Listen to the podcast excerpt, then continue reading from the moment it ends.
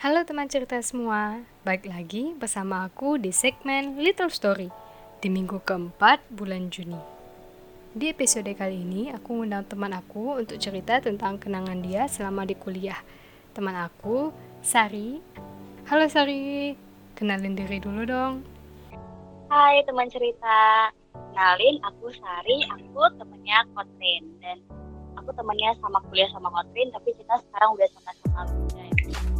Nah, jadi Sari ini kan mahasiswa rantau dari Dumai nih. Kenapa sih Sari mau kuliah ke Padang bukannya di daerah Pekanbaru atau daerah Kepri aja? Ya, benar sekali. Nah, jadi sebenarnya kayak nggak ada sih, nggak ada alasan khusus. Justru pinginnya itu emang di Riau aja biar dekat. Tapi lantaran aku juga basicnya kan orang Minang nih, ingin dong sekali kayak eh ingin juga nih kayak kuliah balik kampung tiap bentar gitu sih. Akhirnya aku memutuskan milih Padang. Awalnya cuma iseng iseng karena emang kayaknya aku nggak bisa di Padang. Karena yang tahu biasanya di Padang itu ya orangnya bisa dibilang ya lumayan pintar-pintar juga deh yang bisa lulus sana. Karena kan aku ya aku sadar diri ternyata ya aku termasuk salah satu yang bisa lulus di sana kayak gitu. Udah lulus di Padang dan balik lagi ke rumah ya? Balik lagi eh, asal dan kita sudah tidak bisa bertemu lagi. Uh, uh. Eh, kalau menurut Sari, apa sih tiga kata yang mendeskripsikan kota Padang? Oke, okay. uh, sebenarnya kalau untuk Padang sendiri itu banyak ya maknanya untuk aku sendiri karena sebenarnya kita atau aku itu ke Padang kan ketika kita masih remaja menuju proses untuk yang lebih dewasa lagi ya. Padang itu yang pertama itu adalah teman. Kenapa teman? Karena di sana aku bisa banyak ketemu teman-teman yang ya contohnya salah satunya adalah Kutrin awal kali aku nyampe di Padang itu yang aku cari adalah teman. Kayak teman untuk bisa berbagi cerita dan lain-lainnya. Itu menurut ya yang pertama Padang itu adalah teman. Yang kedua bagi aku Padang itu adalah ilmu. Karena di sana aku nuntut ilmu. Aku belajar banyak hal di sana dari hal-hal yang sebelumnya aku nggak tahu yang aku tahu. Tapi di sana aku ketemu. Yang awalnya aku tuh kayak kalau mungkin kalau di sini ke mana-mana tuh selalu ditemenin ke mana-mana dekat. Tapi tiba di sana kita harus sendiri kan apalagi kayak anak rantau yang memang nggak ada orang tua. Jadi ke mana sendiri cari sendiri. Banyak belajar deh pokoknya di Padang. Kira yang ketiga Padang itu adalah nyaman. Kenapa aku milih nyaman? Karena di sana kan tempat tinggal ya selama empat tahun. Ya bisa dikatakan empat tahun itu waktu yang cukup lama. Dan kalau nggak nyaman aku nggak mungkin setelah di sana. Jadi aku kadang itu cukup buat aku merasa comfortable dan nyaman jadi ya itu sih. Berarti Padang itu kayak rumah kedua bagi Sari gitu ya? Iya betul banget. Soalnya kan bagi rata-rata orang yang mungkin berkuliah juga ngerasain tempat di mana dia kuliah itu udah jadi kayak rumah kedua gitu. Karena emang udah nyampe di sana kita kayak oh ini wilayah aku nih aku tahu nih kawasan ini nih kayak gitu gak sih ah ngomong-ngomong tentang teman tentang nyaman tentang ilmu.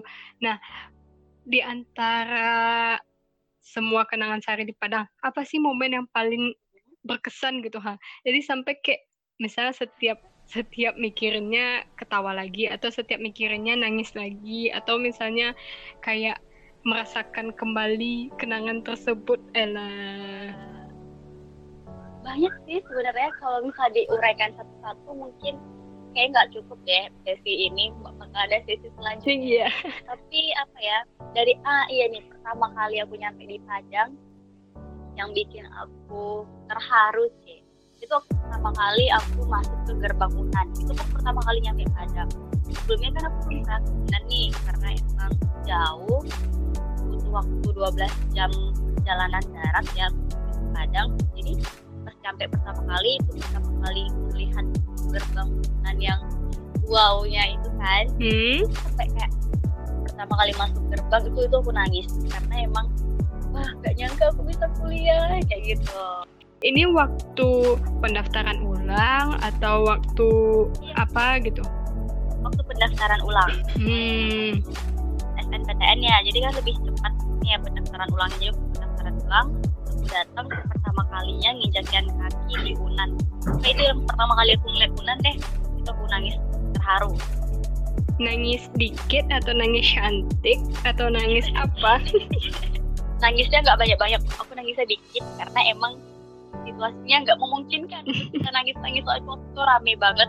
Mahasiswa yang lain-lainnya juga juga nah setelah Sari sampai di Unan nih terus uh, terharu kan? Udah mulai maksudnya kayak wih aku mahasiswa nih gitu. Nah terus gimana sih cara Sari menjalani kehidupan awal-awal kuliah? Karena kan Sari bilang tadi kalau misalnya jarang ke Padang terus kayak Unan itu yang baru banget gitu kan. Uh, gimana ya mungkin tiap orang beda-beda ya tapi kalau aku itu tipenya yang exciting banget kalau ngelakuin satu hal. Apalagi kalau itu sesuatu yang kayak bener-bener baru bagi aku gitu. Jadi kayak wah wah kayak gitu sih. Jadi nyampe Unan tuh terus aku masuk asrama ketemu teman-teman kayak wah kayak gitu. Wah kayak ya nyari teman-teman gitu kan. Kira ketemu teman-teman uh, terus mulai deh untuk bersosialisasi. Awalnya takut nih khawatir nanti ada nggak sih mereka nyaman sama aku? Soalnya karena aku dari rantau nih bahasanya beda. Ini kan satu nih masalah yang untuk anak rantau yang kuliah di suatu daerah itu adalah bahasa. Itu bener-bener walaupun aku orang Minang dan ngerti bahasa Minang tapi beda gitu. Karena emang bahasanya tuh kan justru lebih beragam lagi ya sih. Ngerasain gak sih gitu?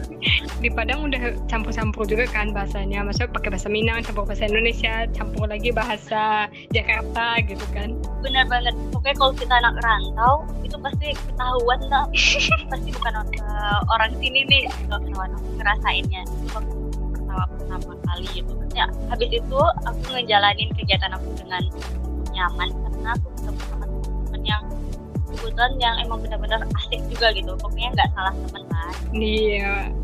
Nah terus apa sih yang ada di pikiran Sari waktu terakhir kali nih ya? Waktu udah wisuda gitu kan. Terus kayak terakhir kali mau meninggalkan Unan mau meninggalkan Padang tanpa ada pikiran bakal balik lagi dalam waktu dekat gitu ha justru aku waktu aku terakhir kali itu terakhir kali ninggalin Unan pertama aku lega ya karena ibaratnya aku udah selesai semua tanggung jawab di sini aku udah selesaikan apa pun itu udah selesaikan tapi aku bukan ngerasa yang sedih gimana gitu. Justru aku mikir kayak gini besok aku akan balik lagi. Walaupun itu nggak dalam waktu dekat tapi justru aku ingin balik lagi dalam keadaan yang gak yang happy gitu. Dalam keadaan penuh dengan rasa rindu untuk teman-teman sih apa ya? Sebenarnya kayak kita punya suatu hubungan kita berpisah dulu nih sekarang. Tapi nanti pas kita ketemu lagi itu pasti rasanya tuh senang banget dan akan banyak hal yang bisa kita ceritakan. Ini harapan aku. Pisahnya putus atau LDR dulu atau jangan putus. Putus berarti kita nggak bisa ketemu lagi.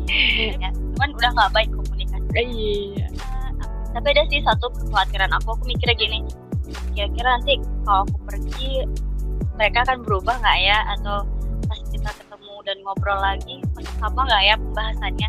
Itu sih ada terpikir cuman aku mikir gini ya sama atau nggak samanya ya nggak masalah yang penting kita ketemu aja dulu. Oke, jaga komunikasi jaga silaturahmi juga nak. Hmm. iya karena Sari juga udah fokus untuk kerja sekarang kan ada tanggung jawab lain yang ada di Dumai sebelum tanggung jawab tanggung jawab lainnya Nah, yang terakhir nih Sar, sebenarnya apa sih arti Padang buat Sari? Padang itu benar-benar Padang itu adalah proses pendewasaan. Padang itu adalah sebuah pertemuan, tapi bukan perpisahan. Iya. Di sana aku mau, tapi kita nggak berpisah setelah itu. Hanya berjarak. Hmm, mantap mantap. LDR ya LDR. Iya, yeah, kita hanya LDR. Oke deh Sari, makasih untuk waktunya. Iya, Semoga sama. ketemu oh, lagi ya. Segera bertemu. Iya, amin. Semoga kita bisa ketemu lagi di episode selanjutnya bersama Sari sebagai teman cerita kita di minggu keempat ini. Terima kasih Kotrin. Sekian cerita Sari kali ini. Buat teman-teman cerita yang mau berbagi ceritanya bersama Ada Kotrin, silakan DM aku di @kotrinanistina. Makasih, sampai jumpa di cerita selanjutnya.